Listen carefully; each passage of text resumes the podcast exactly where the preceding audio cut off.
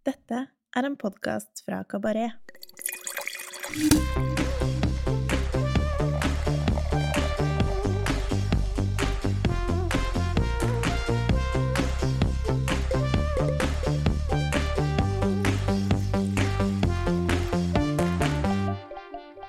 Hei, velkommen til eh, Ukas vin, en podkast fra Kabaret der vi hver uke tester én vin som vi enten digger eller har trua på.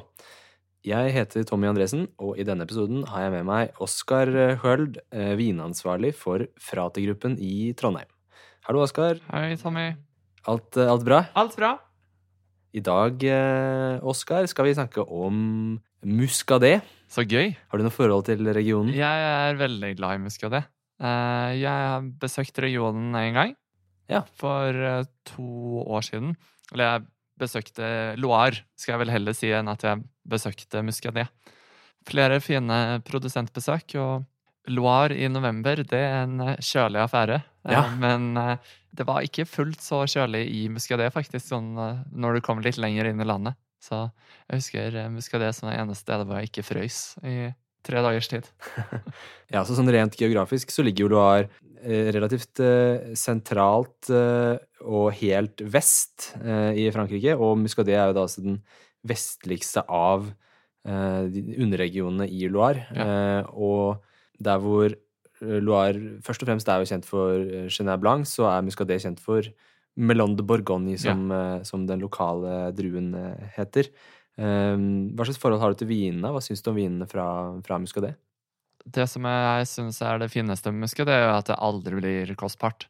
Toppvinen fra Jérôme Pretodot, for eksempel, som kanskje mange anser som den beste produsenten i, i regionen, koster jo 400 kroner på polet. Eller ikke Mm. det engang, 350 kanskje. Ja.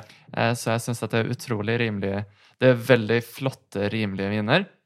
Eh, Hvis du ønsker masse frukt, så er det kanskje feil vei å gå. Hvis du ønsker den slanke, kjølige, nesten sånn sjølukten i en hvitvin, det lukter av østers og en slags mini-chablis, da. Det er mye mer likheter med, med Chablis eller Chardonnay Ja. for eksempel, da, enn Ja. med Chenin Blanc, rent stilmessig. Jeg husker ikke helt opphavet til uh, Melon de Bourgogne, men jeg mener at det er i familie med Chardonnay. Ja, ja. Uh, Melon de Bourgogne den var i Burgund tidligere. Ble flyttet ut til kysten, hvor du ikke er Det blir ikke fullt så kaldt om vinteren. Så det var noen frost på 1700-tallet som gjorde at alle stokkene døde i Burgund. Så flyttet de druen ut til kysten. Ja. Mm. Derav navnet. Derav navnet. Hva, du nevnte jo eh, Jérôme Brotodot. Det er også en eh, produsent jeg er veldig glad i eh, personlig. Har du, har du noen andre navn som du liker godt fra regionen? Veldig glad i Domaine de la Fessardière. Ja.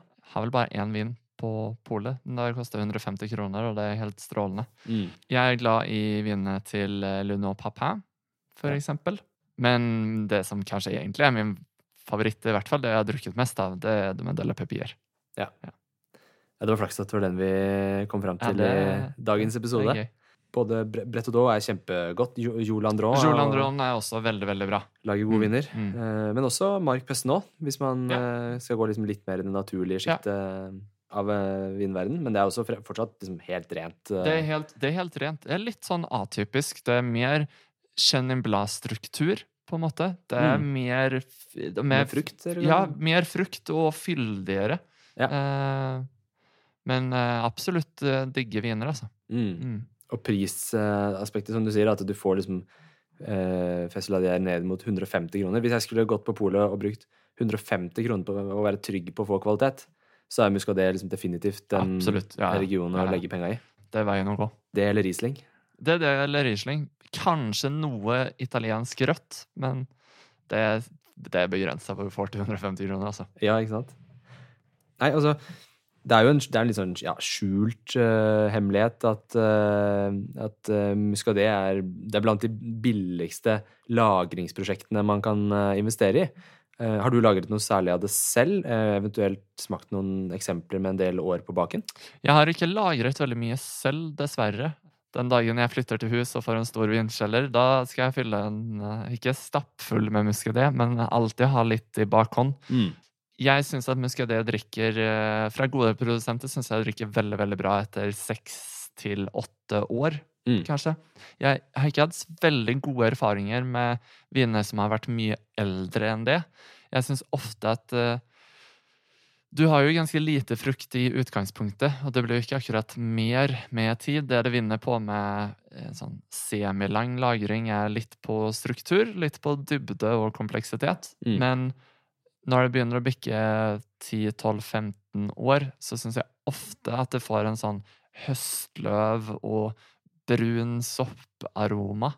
Det kan være at jeg har vært uheldig med faktisk litt oksidasjon på de eldre vinene, men det har ikke, ikke, ikke vært helt, helt for meg, altså. Mm. Men samtidig så har jeg sett eh, folk åpne 40 år gammel muskadé som ser ut som den er tre år gammel. Så, Mm. mm.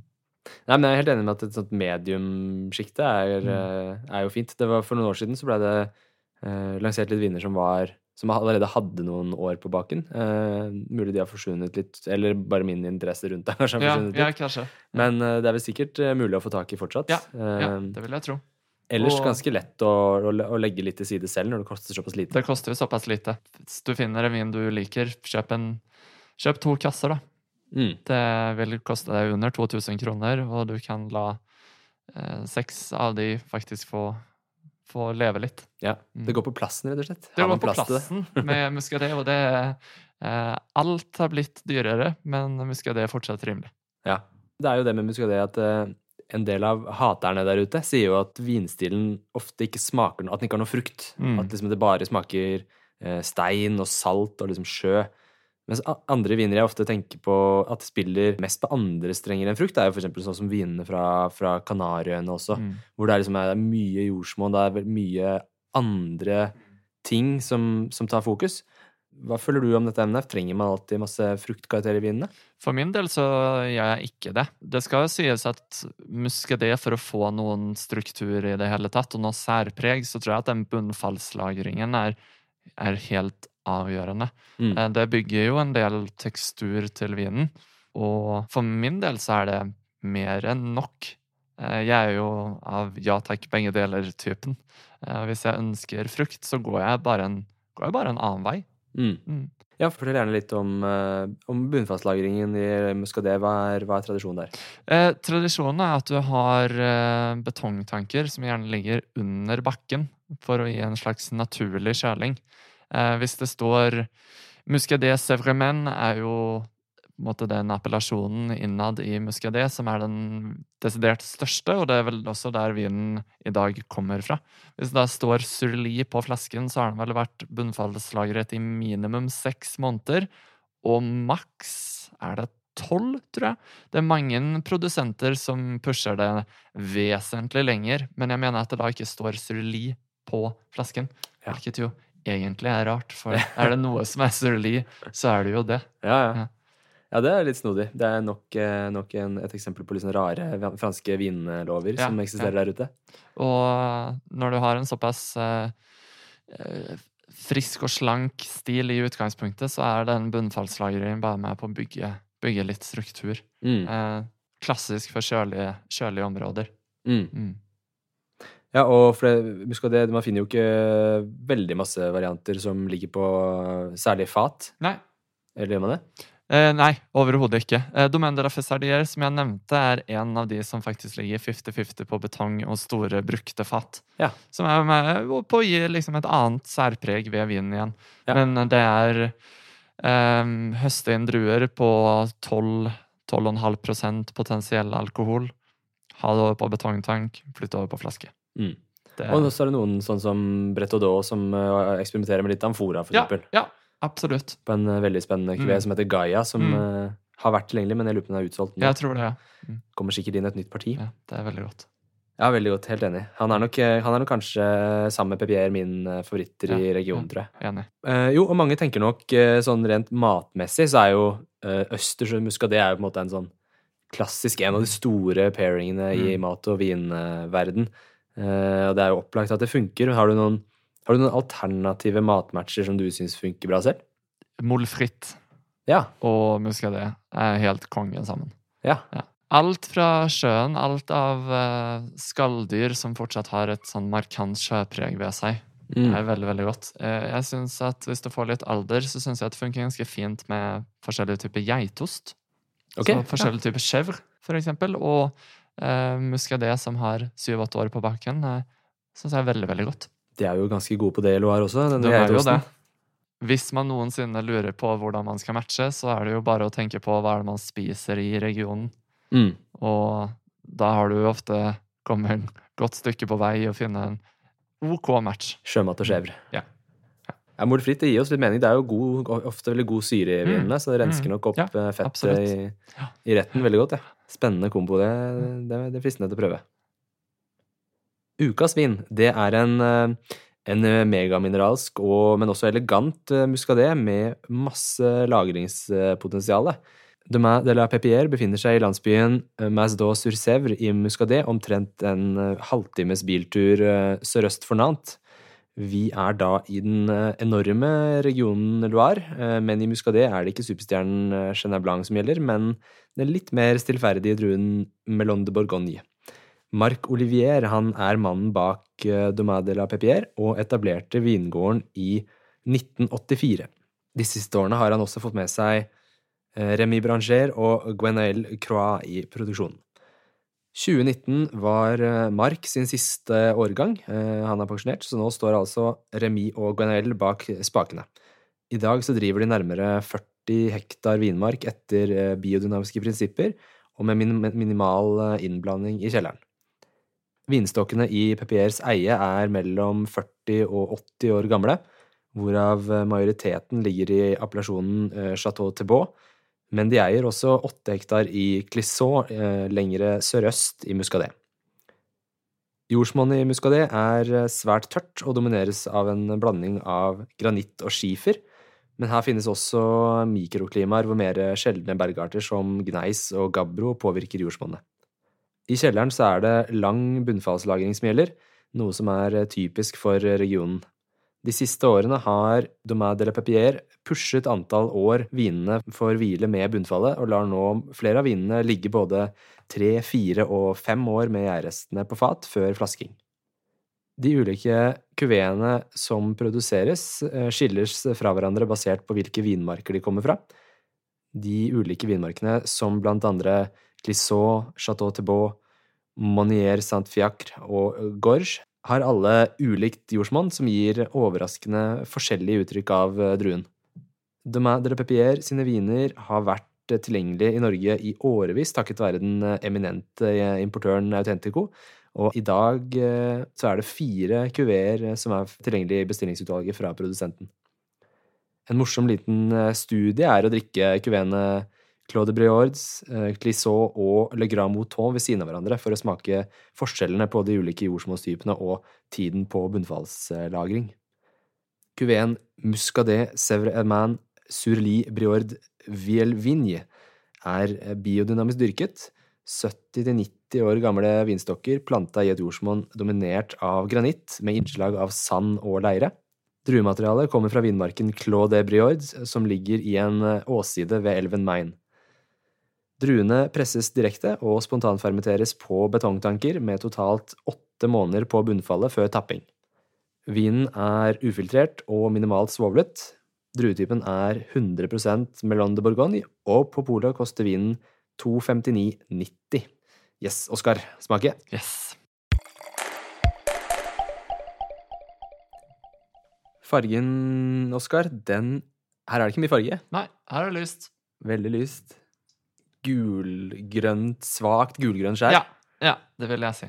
Vandig i fargen. Ser ut som en uh, typisk uh, ung vin som ikke har fått uh, noe tid på fatt. Mm. Lukter jo veldig som en muskadé, da.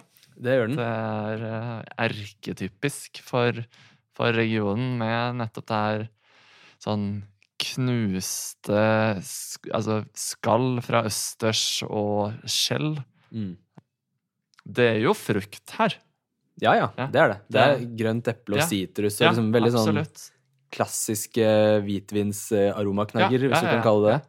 Det er alltid fint å prøve å finne mer enn grønne epler og, og frisk sitrus, men jeg vet ikke om vi kommer klare å finne det i fruktbildet på denne vinen. Nei, synes- Hvit steinfrukt kan jeg liksom gå med på. En sånn hvit Ja, ja. fersken. i det der ultraprimære skalaen av frukt. Absolutt. Ja, hvit fersken, da, da er man på en måte kreativ. og Ja, ikke sant? Så da er det sånn Er det egentlig hvit fersken? Jo, jo, men jeg, jeg skjønner eh, veldig godt hva du mener, for den er Den er noe Altså, den er litt moden i frukten. Ja. Den er ikke helt sånn stål, eh, skarp eh, Den har liksom bitte litt modning, men ikke, det er ikke mye. Nei. Det, jeg syns det lukter litt som Det her kanskje blir litt for sært, men den midterste delen av en umoden ananas Den delen som egentlig er hard og kjip Stilken? ja. Innerst? Nei, ja, sånn stilken i, i midten, ja. Ja. Jeg får litt av den lukten. Vet du hva, det, det, den, den finnes ikke i min Nei, nei, nei ikke. Så den skal, men jeg skal Og den, den, har, den har kommet ut fra bare sånn Vært obsessed med ananas hele livet. Det er festlig. Ja, men nå skal, jeg, nå skal jeg dra og finne en umoden ananas og skjære den opp og lukte. Altså. Nei, kjøp en, kjøp en moden isteden og spis den. Det er mye bedre. Ja, men, men at, eh, at frukten nesten kan minne bitte litt om ananas, det er ikke, det er ikke uenig i. Altså. Nei. For den, har- den, den har noe bitte litt svakt umodent tropisk over seg. Ja, ja. Kunne dratt det så langt som grønn papaya, ja, nesten til og ja. med. Men hovedsakelig med fokus på liksom, ja, sitrus, eh, epler Grønne epler, sitrus og det her sjøpreget. Ja. Mm. Veldig mineralsk. Eh, men også litt sånn stein, eh, betongfølelse, ja. Mm. Eh, sammen med de eh, skjellene fra, fra sjøen. En sånn middels intensitet. Den er ikke, det den er ikke supersubtil heller. Nei, relativt uttrykksfull eh, for å være en muskadé, syns jeg. Mm. Veldig elegant og veldig behagelig å liksom sitte og lukte på. Sånn Mm. balansert, Mm. fresh. Ja, alt sitter, på en måte. Og her vil du med litt alder bare få mer dybde i fruktbildet og aromabildet. Det, Jeg tror ikke at den vil utvikle seg en, i løpet av en femårsperiode. Så tror jeg ikke at den vil utvikle seg til å bli noe veldig mye annet. Jeg tror at det bare vil bli litt mer sammensatt og litt mer av det den allerede viser. Ja, Mm. ikke sant? Nei, skal vi smake? Ja, vi må det. Vi må smake.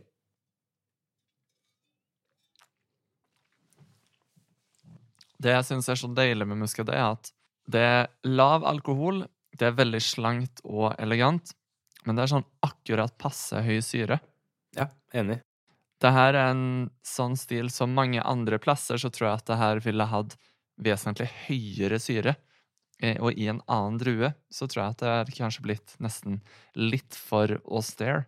Jeg Mm. den her er ganske sånn eh, inkluderende, på en måte. Den er skremmer ingen av gårde med å være veldig syrefrisk eller ha noen Det har jo null sødme. Det er jo knusktørt. Ja. Men den er Nei, helt, veldig behagelig. helt enig. Veldig behagelig og veldig balansert. Mm. Og jeg tenker at det er en vin som på en måte kan uh, Den er veldig i midten på alle mulige måter, Ja. alle mulige Ja. skalaer, da. Den vil Ja. please både bestemor og, og naturvinsgeeken, liksom. Ja. Eh, alle kan synes det er godt. Ja. Og den skriker ikke. Den er ikke, den er ikke noe ekstrem. Den er, har ikke noen ytterpunkter. Den er liksom bare vellaget. Mm. Clean, fresh, uh, syrefrisk, sitrus uh, og mineraler, liksom. Mm. Den er mm. en veldig balansert og Ja. fresh vin. Helt enig. Smaker jo mye av det samme som det lukter, vil jeg si. Ja, helt klart. De henger veldig fint sammen. Det er bare med litt grann luft og temperaturøkning i glasset, så kommer liksom aromaene mer Mm.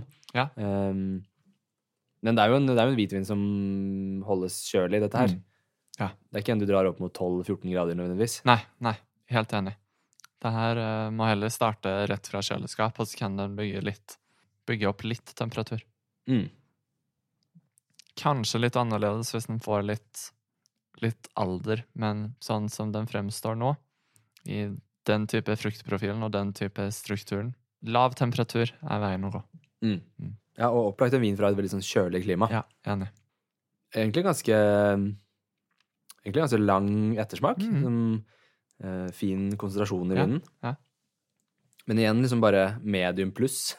Den drar seg ikke liksom mot noen ytterpunkter. Nei, men jeg Um, vet ikke om muskadé har den finnes det, på en måte. Nei. Det er jo, som du nevnte, sånn Gaia for eksempel fra Brett og Då, men der Mm. er det jo også mye eksperimentering med amfora og, og den slags. Ja. Men jeg tror at i utgangspunktet med den frukten som du får fra regionen, så tror jeg ikke at det kan bli ekstremt i noen, noen retning. Nei. Det å lage en eh, kompleks, sammensatt, balansert vin som er Jeg, jeg syns det her er helt konge. Men jeg kan forstå at folk syns at den er litt kjedelig. Ja, for den er, hvis noe, så er det på en måte svakt anonymt. Ja. Men eh, ikke nødvendigvis at det er noe negativt. Nei, og, og absolutt ikke. Men jeg kan forstå de som uh, syns at den er for lite aromatisk, at den Ja. gir for lite fra seg. Ja, ikke sant? Hvis man er vant med å drikke veldig mye sånn galskap, eh, eksperimentelle vinstiler, så er den ikke det. Det her er en mer sånn stillferdig, klok vin som eh, eh, ikke snakker hele tiden, men når han først sier noe, så er det et eller annet fornuftig. Ja. Mm. Litt sånn vinverdens svar på hvite bønner. Ja. Du liker det liksom, Når du blir litt eldre, så vet du å sette pris på kvaliteten ja, deres. ja, ja, ja. Skal jeg opp i relativt høyt, eh, høy kvalitet i Chablis, for eksempel, før jeg får den samme drikkegleden eh, som jeg får i, i denne vinen her. Ja, ja, ja, Det, og det, det liksom Det er å gjøre det litt enkelt for seg å si at Muscadet og Chablis er veldig lik. Eh, jeg syns egentlig ikke at det er det. Eh, I tekstur og struktur så syns jeg at du har en del fellesnevnere, så for å gjøre det enkelt for oss, vi må jo prøve å kategorisere verden vi lever i, så, Ja, ja. så syns jeg at det funker som en grei analogi, men eh, Eller sammenligning. Mm. Jeg syns det er kjempegodt. Jeg er helt enig. Og sånn uh, strukturmessig så er den jo blant uh, muskadevinene som har fått litt mindre bunnfallsmodning. Mm. Så den er jo ikke Det finnes jo varianter fra regionen som er mer, litt mer kremete og har liksom litt mer sånn rik eh, munnfølelse, Ja, kan du si. Litt sant. mer, i hvert fall. Så den er litt mer på den slanke Ja. siden. Sånn som jeg mener at klisson Clisson fra den samme produsenten får lengre tid på bunnfall, mener jeg at eh, Nå husker jeg ikke helt hvordan den retten var, men Ida, som eh, var på det som nå er nedlagte Røst teaterbistro i Trondheim, serverte Clisson med Lurer på om det var hvit fisk med en eh, kyllingkraft og avrugasaus, som var midt i blink. Der du kunne liksom ha puttet inn en typisk, kanskje en chardonnay, da. Mm. Men at en muskedé med litt lengre tid på bunnfall og litt mer eh, konsentrasjon kan utfylle den Gjøre den samme jobben. Ja, det hørtes jo mega ut. Mm. Eh, Clisson, de har, den vinden har eh, 24 måneder på, på bunnfall, Ja, sammenlignet med åtte her, så da. Det forklarer eh, den forskjellen i teksturet. Ja. Så den kremetheten eh, gjør nok at den hamler opp med litt tyngre matfølge. Ja, ja. Så det er gøy. Nei, men smak til ved siden av hverandre er jo kjempeinteressant, Mm. syns jeg. Mm. Eh, Det er jo så mye forskjellige typer jordsmonn også, og de, eh, det er jo en region som har nylig har begynt å klassifisere Ja, kruer eh, i regionen. Mm. Kanskje, kanskje sammenlignes litt som en Beaujolais, at det er liksom et ungt system som har blitt satt i, Ja. i Ja. Så kvalitetshierarki. tror jeg vel òg at uh, det tar litt tid før man får endret typ i fransk vinlovgivning, men jeg mener å huske at man prøver å skifte navnet på druen til muscadet. Ja, ja. Det kan gjøre det litt enklere sånn marketingmessig. Ja, ja, ja. For det, har det, skrives jo faktisk muskadé en del Mm. Mm. steder om Ja. druetypen òg, ja. Og det er jo allerede en fungerende synonym, men hvis du sier at det er laget på druen muskadé, så er det en eller annen sommelier som sier at nei, det er det ikke. Mm. Klassisk. Klassisk, ja. Nei, men bra. Overall eh, så er det jo en, eh, en super eh, spennende vinregion, syns jeg, hvor, Mm. Eh, hvor du får eh, mye vin for pengene. Mm. Det er fine, små lagringsprosjekter som ikke ødelegger lommeboka. Og det er ganske allround til mat. Ja. Har du noe du vil tilføye mot slutten, eh, Oskar? Syns det var en uh, fin oppsummering av muscadet. Så bra. Da sier vi takk for denne gang. Uh, Følg med i neste episode. Da tester vi en dyp og fruktdrevet sangiovese. Oskar blir med oss igjen. Adjø. Adjø. Husk at du finner info om vinen vi smaker på i episodeinfoen. Der finner du også en liste med produsentene vi nevner i episodene. Har du ris eller ros, må du gjerne sende en mail til vin at kabaret.no. Husk å abonnere på podkasten, og gi oss gjerne noen stjerner.